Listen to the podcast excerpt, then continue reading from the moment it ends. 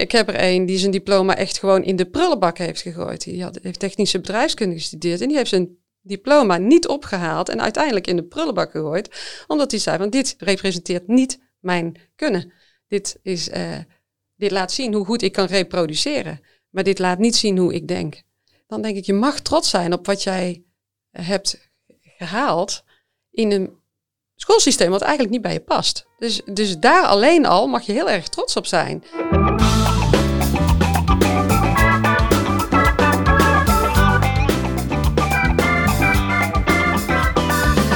Welkom bij uh, de podcast van de Verhalensmeders. En uh, we hebben het over inspirerende levensverhalen van gewone mensen waardoor hun leven ingrijpend uh, is veranderd. En vandaag heet ik Mariette van Hazendonk welkom. Zij is hoogbegaafdheidsspecialist en zij neemt ons mee in haar levensverhaal over de momenten die impact hebben gehad in haar leven. onder andere lastige situaties die betekenis kregen toen zij moeder werd van drie hoogbegaafde zonen. En door dat onderzoek wat zij gestart is, uh, vielen bij haar de puzzelstukjes op zijn plek en kreeg ze meer beeld en geluid bij de keuzes die ze in haar leven heeft gemaakt en hoe ze uiteindelijk haar passie gevonden heeft. Dus welkom Mariette. Dankjewel, ja. Leuk. Ja, ja dus um, ja, ik heb uh, geopend en nou is even het woord aan jou. Kun jij ons vertellen in het kort wie je bent en waar je wiegje heeft gestaan? Wie ik ben. Ja, Mariette van Hazenhoek. En uh, mijn wiegje heeft 56 jaar geleden in uh, Oorschot gestaan. Dus ik ben uh, geboren in een heel warm, liefdevol nest. Met twee jongere broers. Althans, de twee jongere broers. Ik, ik ben ehm, de middelste van zeven. Mijn moeder heeft zeven zwangerschappen gehad. Zo. Maar uiteindelijk drie kinderen echt daaraan overgehouden. En daarvan ben ik de oudste dus eigenlijk ben je de vierde in de rij. Ik ben eigenlijk de... vierde in de rij, ja. Ja, ja. en uh, hoe ging jouw uh, opvoeding uh, thuis? Hoe was het bij jullie? Leuk, gezellig, fijn, um, super gewenst. We waren super gewenste kinderen.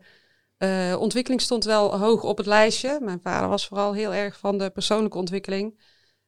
had ook echt zoiets van, je moet onafhankelijk zijn en het geluk in jezelf zoeken.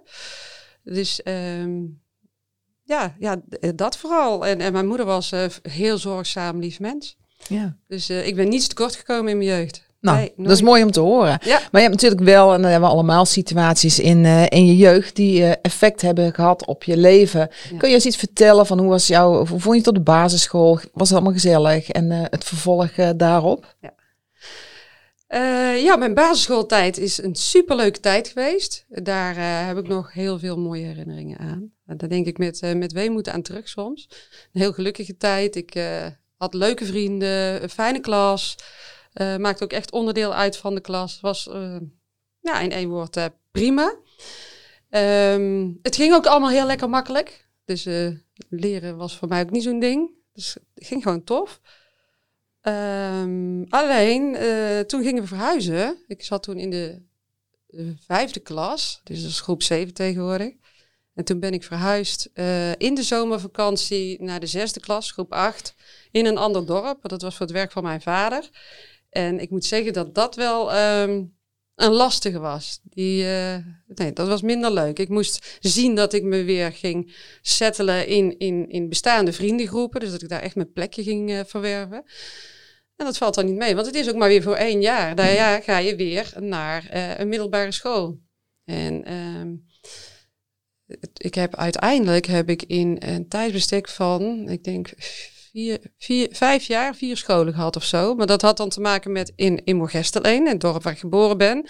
Toen de lagere schoolperiode van een jaar in Oorschot. Toen ging ik naar een middelbare school. En twee ateneum zat ik. En toen ben ik afgestroomd naar drie HAVO. En ging ik weer naar een andere school.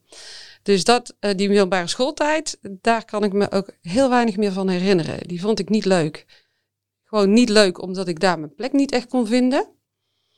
Uh, het ging niet makkelijk.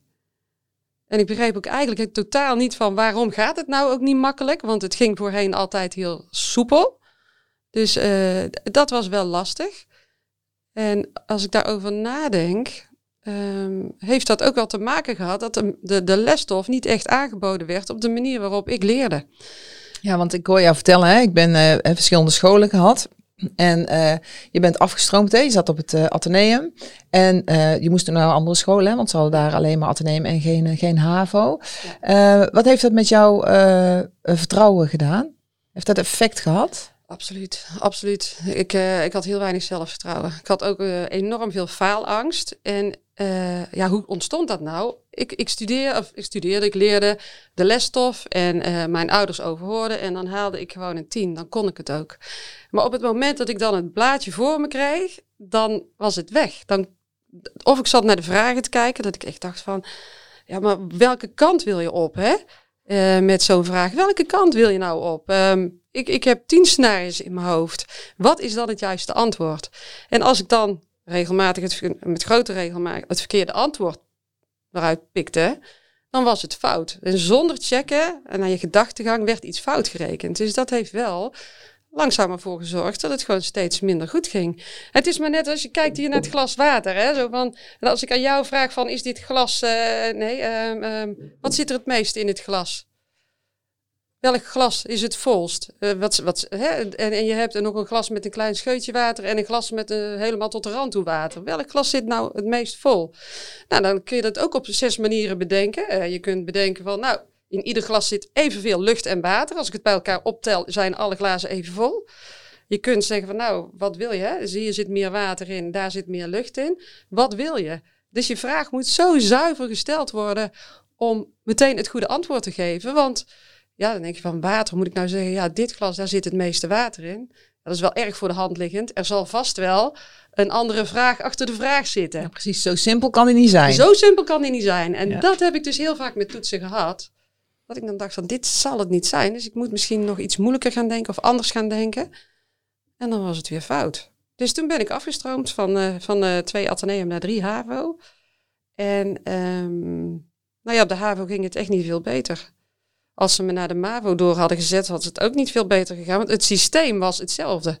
het, het onderwijssysteem was hetzelfde. En dat is het nog, hè? het gaat om reproduceren. Hè? Je moet iets leren. Ik zeg wel eens, even stand aan de kapstok, gedacht op nul. Reproduceren wat ze willen horen. En dan krijg je daar een cijfer voor. Precies. En ik ben echt een top-down denker. Ik moet echt vanuit een doel moet ik gaan leren. En uh, heel associatief. Je belandt met mij zo via een albino hamster uh, met een pak melk op de Noordpool. Want het is allemaal wit. Weet je wel? Dus, dus dat maakt het dan lastig. Dat maakt het gewoon lastig. Ja, en, en je hebt dus je hebt uiteindelijk uh, je HAVO-diploma uh, gehaald. Ja, ik heb mijn HAVO-diploma gehaald. En toen heb ik en ook toen? Niet, ja. en, en, toen? Want welke keuze heb je toen dan uh, gemaakt? Dat is ook niet de meest intelligente keuze van me. Want wat, dat, ik, ik, had twee adviezen op school. het ene advies was, je kunt het best naar de kunstacademie gaan, want je bent super creatief. Dus daar zul je heel goed tot je recht komen. En het andere advies was, je kunt er alles laten doen, maar geen techniek. Want dat kan ze absoluut niet. Nou ja, dan ben je puber, je bent 17 en dan denk je van, nou, weet je wat, ik zal eens laten zien dat ik het wel kan. En toen ben ik bouwkunde gaan studeren. En met twee vingers in de neus. Het ging hartstikke goed, maar leuk vond ik het niet. Maar wel de omgeving, het projectmatige onderwijs, dat paste echt bij mij. Uh, het creatieve stuk wat er ook in zat, paste bij mij. Alleen, ja, ik wilde achteraf bezien liever met mensen bezig zijn in plaats van met gebouw. Maar goed, het was de uitdaging, dat kun je niet. Dus dan dacht jij, dat zullen we laten zien. Ja, dat kan ja, ik wel. Ja, dat. Ja. ja. En dan kom je natuurlijk op een HBO, dan is het weer net iets anders. Dan krijg je echt wel meer ruimte over het algemeen om, uh, om een toelichting te geven en om je rol uh, te pakken. Maar uh, goed, je hebt dus uh, bouwkunde en dat heb je afgerond, bent gaan werken. Maar ik ben even benieuwd van, um, tot nu toe denk je van, nou ja, het is, een, het is vergelijkbaar. Iedereen heeft zo zijn ups en zijn downs en een minder of een iets leukere periode op, het, op scholen. maar uiteindelijk is er wel een ingrijpende gebeurtenis in jouw leven geweest die... Ehm, uh, tot een omslag uh, leiden in jouw uh, werk, denken, in jouw passie.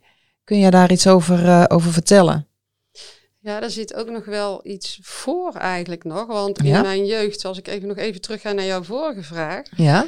Uh, ik ben dus verhuisd en uh, wij kwamen, als, he, ik was een puber, ik was toen 12, 11, 12 jaar, kwamen wij ook in een uh, woonklimaat terecht wat niet echt veilig was. Dus en dan zie je, ouders kunnen een fantastische opvoeding geven, maar als een schoolklimaat niet veilig is of niet passend is en een woonklimaat is niet helemaal passend, dan doet dat wel heel erg veel met, uh, met je zelfbeeld, met je zelfvertrouwen, met hoe je in je vel steekt. En um, wat ik ook meegemaakt heb, is dat ik gewoon um, niet echt vrij kon gaan en staan waar ik wilde. Dus uh, als mijn vader naar een vergadering s'avonds ging, dan stond een politiebusje voor de deur om mijn moeder en mijn, en mijn broers en mij te beschermen. Omdat er gewoon dingen gebeurden die niet te tolereren waren en echt, echt heel vervelend waren. Dus um, ja, dat heeft ook wel ervoor gezorgd dat ik me een hele periode heel erg onzichtbaar heb gemaakt. Want als ze me niet zagen, dan gebeurde er gewoon niets. En uh, dus samen met dat niet passende schoolklimaat en, en die niet passende omgeving op dat moment. Um, ja, uh, dat heeft mij wel, wel, wel uh, dat draag ik wel met me mee. Ja. dat droeg ik met me mee. Dat is eigenlijk wel veranderd, maar dat, dat heeft wel Ja, dus het was een combinatie hè, van jezelf onzichtbaar maken, een onveilige omgeving om op te groeien. Ik bedoel, ja. op het moment dat er een politiebusje voor de deur staat, staat er niet voor niks, zal ik maar zeggen. Is, Ik kan me voorstellen, zeker in die periode, eh, wanneer je in de puberteit gaat en uh, je vleugels juist zou gaan aan, ja. uitslaan, dat het, uh, dat het dan inderdaad heel bedreigend kan overkomen. En dat het iets mee doet hè, met het onzichtbaar maken. In combinatie met het niet zo prettig voelen en die faalangst op een, op een middelbare school. Ja, het was echt een combi inderdaad, dat het allemaal niet zo liep dan ik voor, vooraf in mijn hoofd had zitten.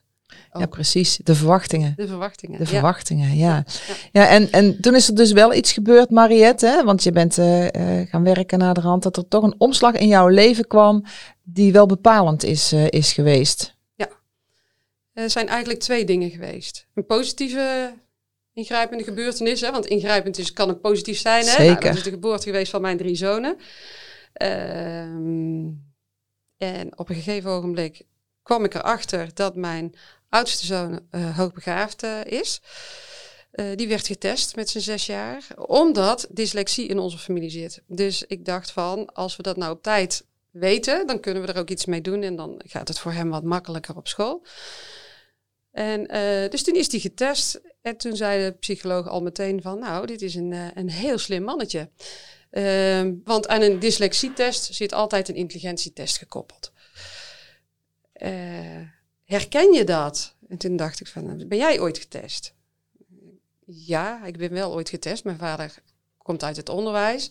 En die heeft ons alle drie laten testen, omdat hij zoiets had van, je mag niet overvraagd worden, maar je mag ook niet ondervraagd worden. Dus het moet mooi passend zijn bij wat jij kunt. En um, dus wij zijn getest en toen vroeg die psycholoog van, weet je ook of je IQ boven de 130 zat? En ik zei, ja, ja, dat klopt. Dat is, hoezo? Nou, dat verklaart ook een klein beetje hè, hoe het met je zoon is. En, en, want het is toch uh, op de een of andere manier zit daar ook een stuk een erfelijke component in. Oké, maar er is bij mij nooit een label aangehangen. Want in het onderzoeksrapport stond een, uh, hoe stond dat? Er iets van um, een intelligentie van een hoog gehalte. Uh, een slim kind. En dat was bij mijn broers precies hetzelfde. Dus ik heb daar nooit iets uh, mee gedaan of ik heb daar nooit over gelezen en het was totaal onbekend. Dus ik had er eigenlijk ook nog nooit van gehoord, want het is twintig jaar geleden. Ja, hè, precies. En, dat is, en daar komen we direct op. Hè? Dat is het stuk ook begaafdheid waar je ja. naar de rand je passie voor hebt ontwikkeld om dat ja. stuk te ontdekken. En ik wil nog even terug naar die vraag, wat, wat was Frans? Je zei er zijn een paar een tweede, positieve dingen en je hebt nog twee, hè? want we hebben het voor uh, bespro besproken. Twee dingen die echt wel effect hebben gehad. Ja, dus dit heeft effect gehad in de zin van het onderzoek doen, daarna in jezelf vinden. Dus geboren worden worden door je kinderen, opnieuw geboren worden door je kinderen. En het tweede is, uh, dat is een negatieve ingrijpende gebeurtenis. Het is de dood van mijn vader geweest, uh, nu bijna twintig jaar geleden. Uh, en dat heeft er ook behoorlijk ingehakt. En, en, dat heeft ook wel voor een omslag gezorgd. Want um, die, die, een van de laatste gesprekken die ik met hem had, zei hij tegen mij van, God Mariette, zegt hij, maar het gaat er helemaal niet om hoe lang je leeft. Het gaat er om hoe je leeft. En ik heb gewoon een heel mooi leven gehad. Kwalitatief fantastisch. Dus het gaat om de kwaliteit, niet om de kwantiteit. Ja, ja daar, zit, daar zit iets in. En toen zegt hij van, nou, als ik ga kijken, hè, ik, uh, ik heb nooit hoeven werken. Ik zo nooit hoeven werken, want het heeft keihard gewerkt. Ik zeg, ik heb nooit hoeven werken. Ik heb van mijn hobby mijn werk kunnen maken. En dat is mijn passie. En je moet iets doen waar je blij van wordt. Hè. Je, moet je moet je hart volgen. En dat heb ik gedaan. Dus ik heb van mijn hobby mijn werk gemaakt. Nou, hoe fijn is dat? Ja, klopt. Nou, ik ben getrouwd met de liefde van mijn leven. Dus uh, uh, wij vulden elkaar perfect aan. Uh, we, we zagen elkaar, we begrepen elkaar. we konden elkaars behoeften vervullen. Dus dat was hartstikke fijn. En ik ben super trots op mijn drie kinderen en mijn kleinkinderen. Dus ik heb kwalitatief een mooi leven gehad. En ik hoop echt dat jij, als jij in mijn positie bent later, want dood gaan we allemaal, dus het gaat je toch gebeuren, dan hoop ik dat jij ook tevreden je hoofd neer kunt leggen en een vinkje kunt zetten achter die drie dingen. Ja, nou, dat heeft me dus ontzettend na laten denken. Ja, ja. En daarna zijn veel dingen veranderd. Ja, precies. Dus die, die was heel ingrijpend die voor jou. Die was heel erg ingrijpend. En wat voor effecten heeft dat op jouw leven gehad? Want je bent gaan denken, ja. Had je daar uh, vriendinnen bij waarmee je kon praten? Of hoe, kon je daar, hoe heb je tot een besluit gekomen om dingen anders te gaan doen? ja, ik had wel een, een hele goede vriendin. Ja, mijn, mijn hartsvriendin, Marij. Daar heb ik veel mee kunnen praten daarover. Heb ik ook gedaan. Ja, die, die helaas is ook die te jong uh, weggevallen, zal ik maar zeggen. Want die is in 2009 met Koninginnedag uh, een van de slachtoffers geweest. Maar we hadden wel samen 30 jaar geschiedenis. En uh, zij kende mij gewoon door en door. Dus zij kon ook daar, zij kon ook goed spiegelen. En, dus we hebben het daar vaak over gehad. En de veranderingen, nou, allereerst is dat geweest een verandering in mijn werk. Ik heb de bouwvaar wel gezegd. Ik dacht echt van, ik moet gaan doen wat ik leuk vind. Dus in 2011 heb ik besloten van ik stop met alles wat met bouwen te maken heeft. En ik ga uh, iets doen wat uh, aan onderwijs uh, gerelateerd is. Met jeugd, ook begaafdheid. Eh, dat zou ik wel fijn vinden als er dat bij zit. Dus, dus een combi van dat. En dat is gelukt. Dus ik heb een functie gevonden in die branche dat onderwijs en jeugd ehm, met elkaar verbindt. Um, ik heb in die tijd ook een eigen bedrijfje ingeschreven of opgezet. MindMe. En um, ik heb boeken geschreven in die periode, ook uh, voor de CITO-groep Arnhem, samen met een orthopedagoog van mijn kinderen, om, uh, om daar iets uh, in verder te gaan. Dus ja, dus mijn werk, daar, kon ik een vink achter zetten. Ik denk, ja, dit is wat ik graag wil. Um, ja, tweede was mijn huwelijk. Daar heb ik natuurlijk ook wel naar gekeken. En um, mijn, uh, de vader van mijn kinderen, die, die uh, en ik waren eigenlijk best goede ouders. Dus samen als ouders deden we het hartstikke goed, deden we het fantastisch. Alleen als partners was dat gewoon eh, anders. En ik zag niet echt zijn behoeften en hij misschien die van mij niet. En we konden elkaars behoeften niet vervullen. Dus dat heeft wel geresulteerd in 2005 in echtscheiding. Um, dus dat is ook, ook veranderd in die zin dat ik beter gaan, ben gaan zien wat mijn behoeften waren, uh, wat ik graag zou willen, wat mij gelukkig zou kunnen maken. Dat. Ja, en dan heb ik mijn drie kinderen natuurlijk. En daar ben ik super trots op. Daar ben ik super trots op en die doen het goed. Alleen ze zijn zelf nog niet zo trots op wat ze allemaal al voor elkaar gekregen hebben. Maar juist daarin ben ik wel, daar ben ik heel trots op.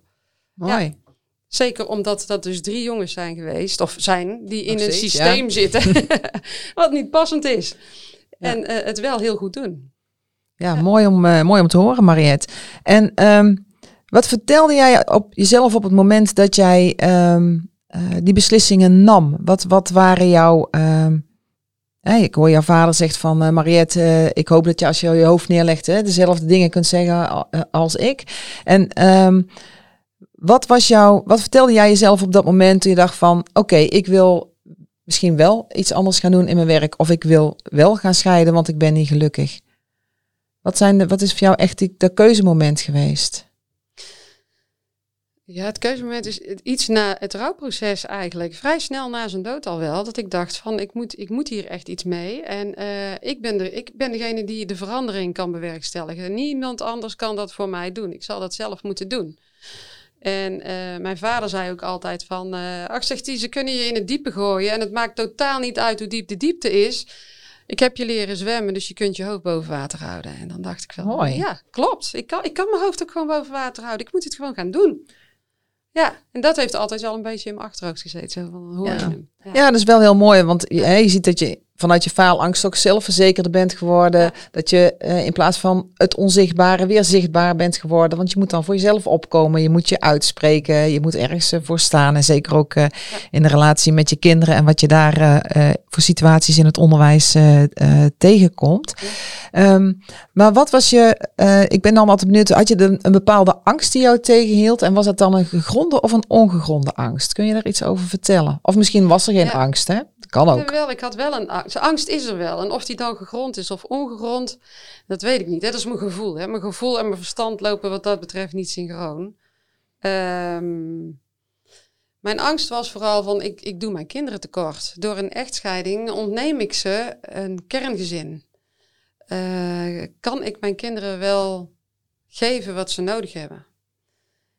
En dan, dat is mijn gevoel. Hè? En als ik dan daar verstandelijk naar kijk, dan denk ik, nou, maar ze, ze doen het ook hartstikke goed. Ze doen het gewoon goed. Ze hebben, ze hebben prachtige diploma's gehaald. Het is, een studeert nog, de jongste. Eh, ze hebben een mooi huis kunnen kopen. Ze hebben het goed. Ze, ze hebben mooie banen. Hoezo doen ze, hè, heb ik ze tekort gedaan? Maar, eh, dus ik zie dat ze het goed doen. En ik zie dat het resultaat er ook is. Maar het voelt nog soms even anders. Het voelt soms dan misschien als een soort van falen of zo. Hoor, hoor ik Ja, je dat zeggen? wel. Ja, misschien wel. Oké. En als je, als je kijkt in de relatie met een, eh, vader en, en met jou, hebben ze zelf ooit aangegeven dat ze iets tekort zijn gekomen?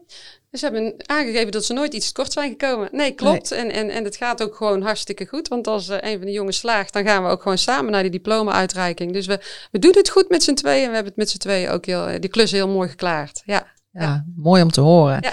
Nou, en ik, ben, ik ben eens even benieuwd, hè, van, ehm, eh, je hebt, we hebben het omslagmoment gehad, hè, dus het overlijden van je vader, waardoor je zei van, nou, doe je de goede dingen, word je er blij van en, en eh, volg eh, vooral je hart.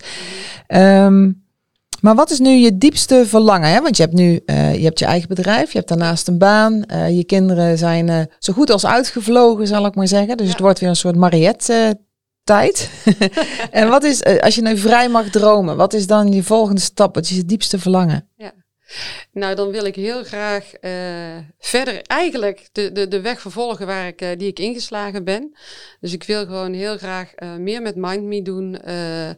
Jongeren begeleiden, eh, ouders begeleiden, scholen begeleiden, bedrijven daarin misschien begeleiden. Van wat is nou hoogbegaafdheid en wat brengt het allemaal met zich mee? Want het is niet alleen die cognitieve component. Het zit hem vaak in het anders denken, anders voelen, anders werken, anders eh, eh, leren. Daar zit het vaak in. En wat maakt dat het wat lastiger is? En ik zie ook dat bij mijn kinderen, kijk, dat is voor mij, mijn kinderen hebben mij. Eh, dit terrein laten ontdekken. En ik heb uiteindelijk ook wel een, een opleiding voor gevolgd, eh, omdat ik eh, dat ook wel zeker wilde zijn dat wat ik tot me nam, dat het oké was, dat dat klopte, dat dat de juiste bronnen waren, et cetera. Dus ik heb daar echt goed naar gekeken. En, ehm, en ik heb bij mijn kinderen nog niet kunnen voorkomen, niet alles kunnen voorkomen. Zoals verwachtingen bijvoorbeeld. Hè? Want rondom hoogbegaafdheid hangen heel veel verwachtingen. Daar heb ik zelf last van gehad achteraf bezien. Eh, maar ook mijn kinderen. Dus ik heb er één bij zitten die heeft gewoon twee mastertitels, maar die is niet trots op zijn diploma. Want uiteindelijk, ja, eh, de gemiddelde academie heeft een IQ van 118, 119 misschien. Eh, dat van hem is vele malen hoger. Dus hoe kun je dan trots zijn op zoiets? Ehm, dan denk ik, je mag trots zijn op wat jij hebt gehaald in een schoolsysteem wat eigenlijk niet bij je past. Dus, dus daar alleen al mag je heel erg trots op zijn.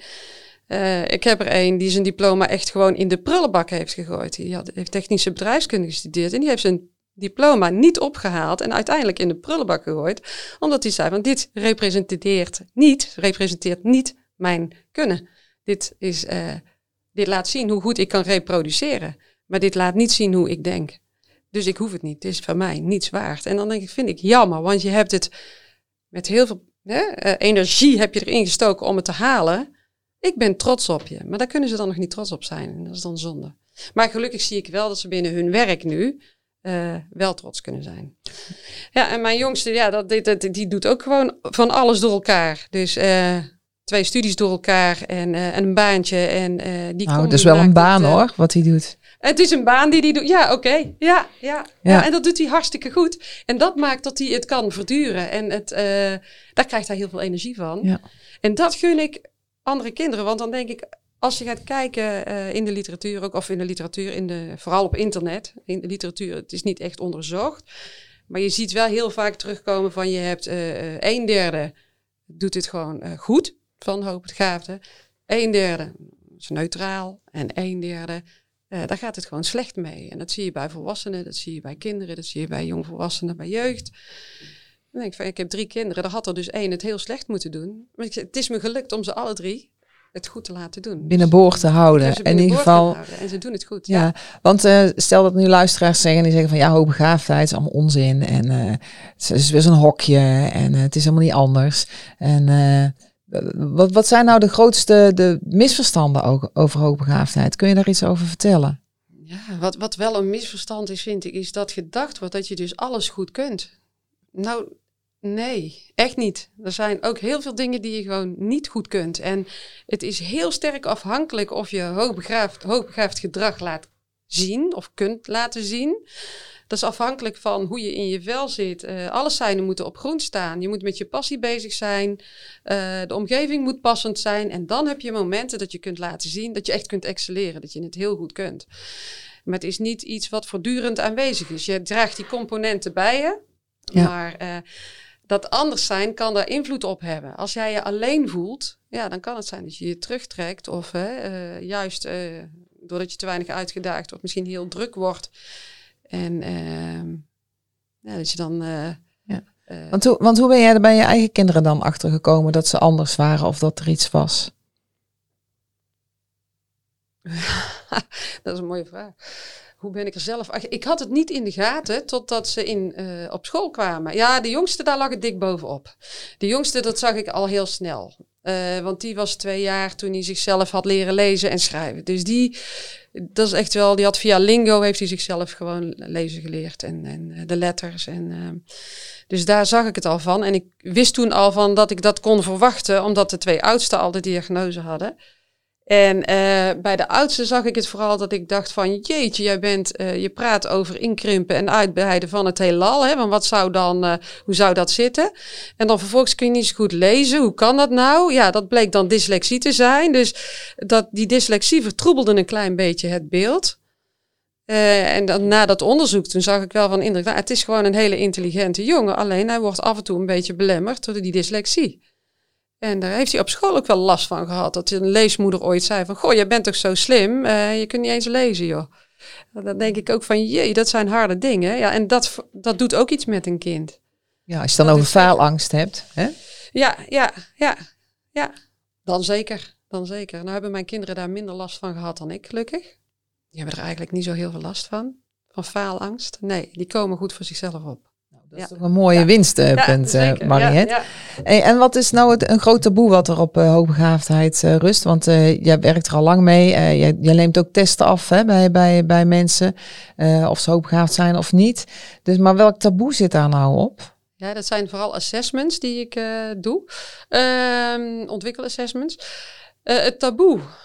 Ja, je, ik merk dat, en ik heb het zelf ook nog een beetje. Heel veel mensen durven er niet over te praten, omdat het van alles oproept bij anderen. Het kan bedreigend zijn. Je wordt meteen, eh, de verwachtingen worden erg hoog eh, gespannen. Hè, als ze weten van, is hoogbegaafd. Nou, dan kun je geen domme dingen doen. Nou, reken maar, dat kan wel. Heel makkelijk. Eh, je kunt ook hele domme dingen doen en je weet- kunt ook heel veel niet en zo. Dus dat is het. verwacht- Verwachtingen kunnen je in de weg gaan zitten. Ehm, er wordt ook wel gedacht dat die kinderen op school bijvoorbeeld geen begeleiding nodig hebben. Geen instructie. Ja, ze, ze kunnen toch goed mee, dus eh, waarom zouden we dat doen? En we hebben natuurlijk een beetje een systeem van eh, je moet je hoofd niet te veel boven het maaiveld uitsteken. Ehm, en, en dat is ook lastig, want we zijn heel goed bezig om de onderkant naar die norm toe te trekken. Maar als jij de bovenkant aan de, hè, die aan de bovenkant, eh, boven de norm zit, bedient, ja, dan gaat, gaan ze verder van de norm af. En dat past niet echt in ons klimaat, in ons Nederlandse systeem. Want Doe maar gewoon. eh, doe maar gewoon, dan doe je al gek genoeg. Precies. Ja. Ja. En het maakt dat je je dus heel erg eenzaam kunt voelen ook. Of dat je eh, grapjes maakt als klein kind en niemand lacht, omdat ze het niet begrijpen. Mhm. Ja, dan kun je je wel terug gaan trekken. En oh, er is het met mij iets aan de hand, hè? Ja. Ik doe iets niet goed. Ik ben gewoon niet leuk. Ja, en als je nou eh eh, terug gaat naar je kinderen. Hè, ze- de- ik, ik hoor jouw jongste, die kon al eh, lezen en schrijven. En toen mocht hij naar de peuterspeelzaal of naar de kleuterschool, weet ik waar die Ja. geweest is. Ja, eerst peuterspeelzaal. Dus eh, hoe is dat dan voor, hoe was dat voor hem? Zag, zag je daar een omslag? Was hij daar helemaal in zijn element? Omdat hij dan eindelijk dingen kon gaan leren of dingen kon De gaan doen? Ja, ik, ik noem maar Nee, iets. nee, want hij kon lezen en schrijven toen hij bij de peuters binnenkwam. Ehm, en dan zie je hoe klein zo'n kind ook is. Hij is 2,5 toen. Eh, dat hij zijn eerste tekening mocht maken. En hij schreef cijfers. 100, 300, eh, 3. Het stond allemaal op papier. En de tweede les zag ik eh, krassen terug. En de derde les had hij de perfecte kras te pakken. Dus het is voor een leerkracht dan ook heel moeilijk te zien van, eh, past dit kind zich aan? Hij had het gewoon heel snel in de smiezen van, ik, ik wijk dus af. Ik moet het anders doen. Ik moet, ik moet krassen, want iedereen krast. Dus eh, nee, die, die, die peuterspeelzaal, daar heeft hij maar, eh, ik denk nog geen half jaar op gezeten. En hij mocht eh, met zijn drie jaar naar een basisschool. Daar hebben ze hem ingeschreven destijds als gastleerling. Dus hij ging parttime kleuteren met zijn drie. Ja, en dat ging prima. Neemt niet weg dat hij toen ook honderdtallen, et cetera, en kon rekenen. Maar, maar ze hebben op school daar bij hem eh, best wel wat oog voor gehad en hem daarin wel ondersteund, zover als het kon. Ja. ja, want ik heb nog wel een vraag. Want je zei, eh, ik doe eh, ontwikkelassessments. Hè? En ik merk, zeg, ik heb ontzettende hekel aan assessments. Dus als ik ooit ergens solliciteerde en ze zeiden, je moet een assessment doen, weigerde ik dat categorisch, want ik had er ontzettende hekel aan. Maar wat zegt dan een, een, een assessment? Want ik geloof namelijk niet in assessments. Het ligt eraan. Als het, een, het is een ontwikkelassessment, dus het is geen test. Er zit geen goed of fout aan. Oké. Het, het, het laat alleen zien eh, waar je heel erg goed in bent en waarin je beter kunt worden als je dat zou willen, waar je energie van krijgt, eh, wat je passie is. En daar kun je dan eh, gericht op insteken. Dus dat, dat is het mooie ervan. Het is geen normatieve test. Want dat vond ik zelf dus ook lastig. En eh, intelligentietesten, er is nu gelukkig wel eh, vrij recent, in, in maart is dat geweest, een nieuwe intelligentietest voor eh, jonge kinderen op de markt gekomen. Die heet geloof ik K, je zegt KIKT, maar je schrijft K, IQ en dan een T. Ehm, en dat is voor vermoedelijk hoogbegaafde kinderen tussen 5 en 10 jaar. En dan denk ik, dat is wel heel fijn, want als je uitgaat van bestaande testen, dan ehm, zie je dat je, je moet bepaalde antwoorden geven volgens bepaalde stramine. En vaak zijn de moeilijke vragen makkelijker voor die kinderen dan de makkelijke vragen. En daar zit ook een opbouw in. Dus die, dat, dat matcht niet helemaal met de behoeften van zo'n kind. Ik kan een voorbeeld noemen. Ja, doen we. Ehm, eh, iemand gaf ooit het voorbeeld. Een kindje had een IQ-test moeten maken. En de vraag was, het is warm en het hangt in de lucht. Waarop dat kind zei, God, denk van wow, dat ze daaraan denkt. Hè? Want het, het, het goede antwoord was zon. En dan zou je het dus bijna fout moeten tellen. Maar je, hè, mensen, de, de psychologen die, eh, die daar heel veel verstand van hebben, die weten ook echt wel van, eh, die, die kunnen nog doorvragen. Maar ik wil zeggen, eh, je krijgt zulke andere antwoorden, zo anders dan wat de bedoeling is. Ze vliegen het op zo'n eigen manier aan, dat het ook testresultaten kan vertroebelen. Plus, we laten heel vaak kinderen testen op het moment dat ze niet lekker in de vel steken. Ja, en dan haal je er dus eh, ook niet echt uit wat erin zit. En dan, dan kan dat zo'n zo'n hè, cijfertje 130 vertroebelen. Dus, en dat wordt gelukkig, je ziet daar ook wel in dat dat losgelaten gaat worden. En dat heel erg ook gekeken wordt naar al die componenten van het anders zijn. Dus niet alleen het denken, maar ook eh, eh, de, de, de andere manier van leren, voelen, doen. Ja. Dat zijn hele gevoelige mensen, intense mensen. Ja, want, eh, want jij gaf ook aan hè, van eh, er is nu die nieuwe test, hè, dus eh, voor, voor, voor jongeren. Ja. Maar ik denk dat er ook nog best wel ouderen zijn, zal ik maar zeggen, die, die zich anders voelen of die denken van ik pas niet in het systeem of ik heb geen enkel diploma gehaald, dus, maar ik kan wel heel goed een eigen bedrijf hebben of ik ben wel heel goed in iets heel Ja. anders. Ehm, eh, zijn daar ook dan ontwikkeltests nodig zonder dat je allemaal ehm, reeksjes moet invullen en, eh, Ja. en woordjes Ja. moet verklaren? Ja. Want dat is de assessments die ik ken, zal ik maar zeggen. Ja, ja. Nee, die zijn in de maak en die zijn er wel. Dus daar zit, je ziet er wel een ontwikkeling in. Kijk, we zien nu dat echt het voor uh, jonge kinderen steeds beter gaat worden. Uh, in het PO zijn ze uh, al best goed op de hoogte van wat hoogbegaafdheid is. Ja, uh, in het VO zie je dat terug. binnen de universiteiten en de HBO's begint dat ook te komen. Dus het moet nog, hè, op de consultatiebureaus. Het begint geleidelijk aan, begint dat voor de jeugd begint het goed ingeregeld te worden en zijn er mogelijkheden. Alleen de jeugd heeft ook ouders. En jij zegt zelf altijd zo mooi: onder de appelboom vind je geen peren ja, er is heel veel projectie en uh, het herleven van oude pijn, omdat ouders uh, bij hun kinderen weer zien wat ze zelf gemist hebben of uh, geen, waar er geen aandacht voor is geweest. Dus um, voor die groep ouderen is het wel belangrijk dat ze daar ook inzicht in gaan krijgen van in wie ben ik en waarom doe ik wat ik doe en waarom voel ik wat ik voel. En oh, zitten daar de verschillen? Want als je de verschillen kent, kun je naar elkaar toekomen. En uh, Precies. dan voelt het beter en kun je het verduren. ja, want het is heel mooi. Want uh, we zitten ook samen op Clubhouse waar we een room hosten over uh, hoogbegaafdheid. En daar kwam deze week iemand op en die zei van, ook een volwassene, die zei, ehm, ja, ik heb ADHD, ehm, zeggen ze. Maar is er een verband tussen ADHD en hoogbegaafdheid? Of misschien wel eens een misverstand over? Ja. Ja, daar, hangt, uh, daar hangen heel veel misdiagnoses rondom hoogbegaafdheid. Het is geen stoornis, hè? het is gewoon iets uh, persoonlijks. Het is geen stoornis. Het, is, staat niet in de DSM. Dus, dus um, en wat je ziet is, die hoogbegaafdheid kan uh, invloed hebben op je gedrag. Dus als jij je niet begrepen voelt en uh, grapjes maakt en niemand lacht en je gaat je terugtrekken, dan kan het zijn dat een kleuterjuf denkt van nou, die kleuter die zit de hele tijd uh, onder de struiken. die is pissenbedden aan het zoeken in het zand. En mogelijk uh, is die wel, heeft hij iets van autisme in zich. Hè? Kun je hem niet eens laten testen op autisme? Of uh, wat je ziet van dat een stuiterbal in de klas die dan gewoon te weinig uitgedaagd wordt en die heel erg bewegelijk gaat worden. Ja, dan zou je wel eens kunnen denken, zou het ADHD zijn? Of dat ze zo gefrustreerd raken en boos worden. Oh, ODD hangt in de lucht. En zo heb je toch wel kans dat als het niet goed geduid wordt, dat er verkeerde labeltjes aan een kind komen te hangen. Um, en eigenlijk zou het zo mooi zijn als je gewoon kijkt van wat zijn de behoeften van het kind, of wat is de behoefte van het kind, welke behoefte heeft hij. Oké, dan steken we daarop in. En dan hoef je eigenlijk geen label te hebben. Als je leert om heel goed te kijken naar behoeften van mensen. Ja, en waar begint het dan, Mariette? Want uh, dan komen we ook weer terug bij jouw passie, hè, waar we het nou ook wel over, een tijdje weer over hebben. over ja. hoogbegaafdheid en dat meer onder de aandacht brengen. Juist om er begrip voor te krijgen, zodat iedereen kan opgroeien. En vooral bij kinderen, dat ze mogen zijn wie ze zijn. En uh, Um, ja, dat is leuk op een basisschool als je daar zit. Uh, maar het begint volgens mij al eerder op de PABO's, op de lerarenopleidingen. Worden daar, wordt daar aandacht besteed dat jij weet aan het, aan het hoogbegaafdheidsstuk? Ja, dat wordt steeds meer. Steeds, en dat gaat steeds beter. Maar eer natuurlijk al die PABO-docenten of PABO-studenten nu nog op de markt gaan komen, zijn we alweer een paar jaar verder.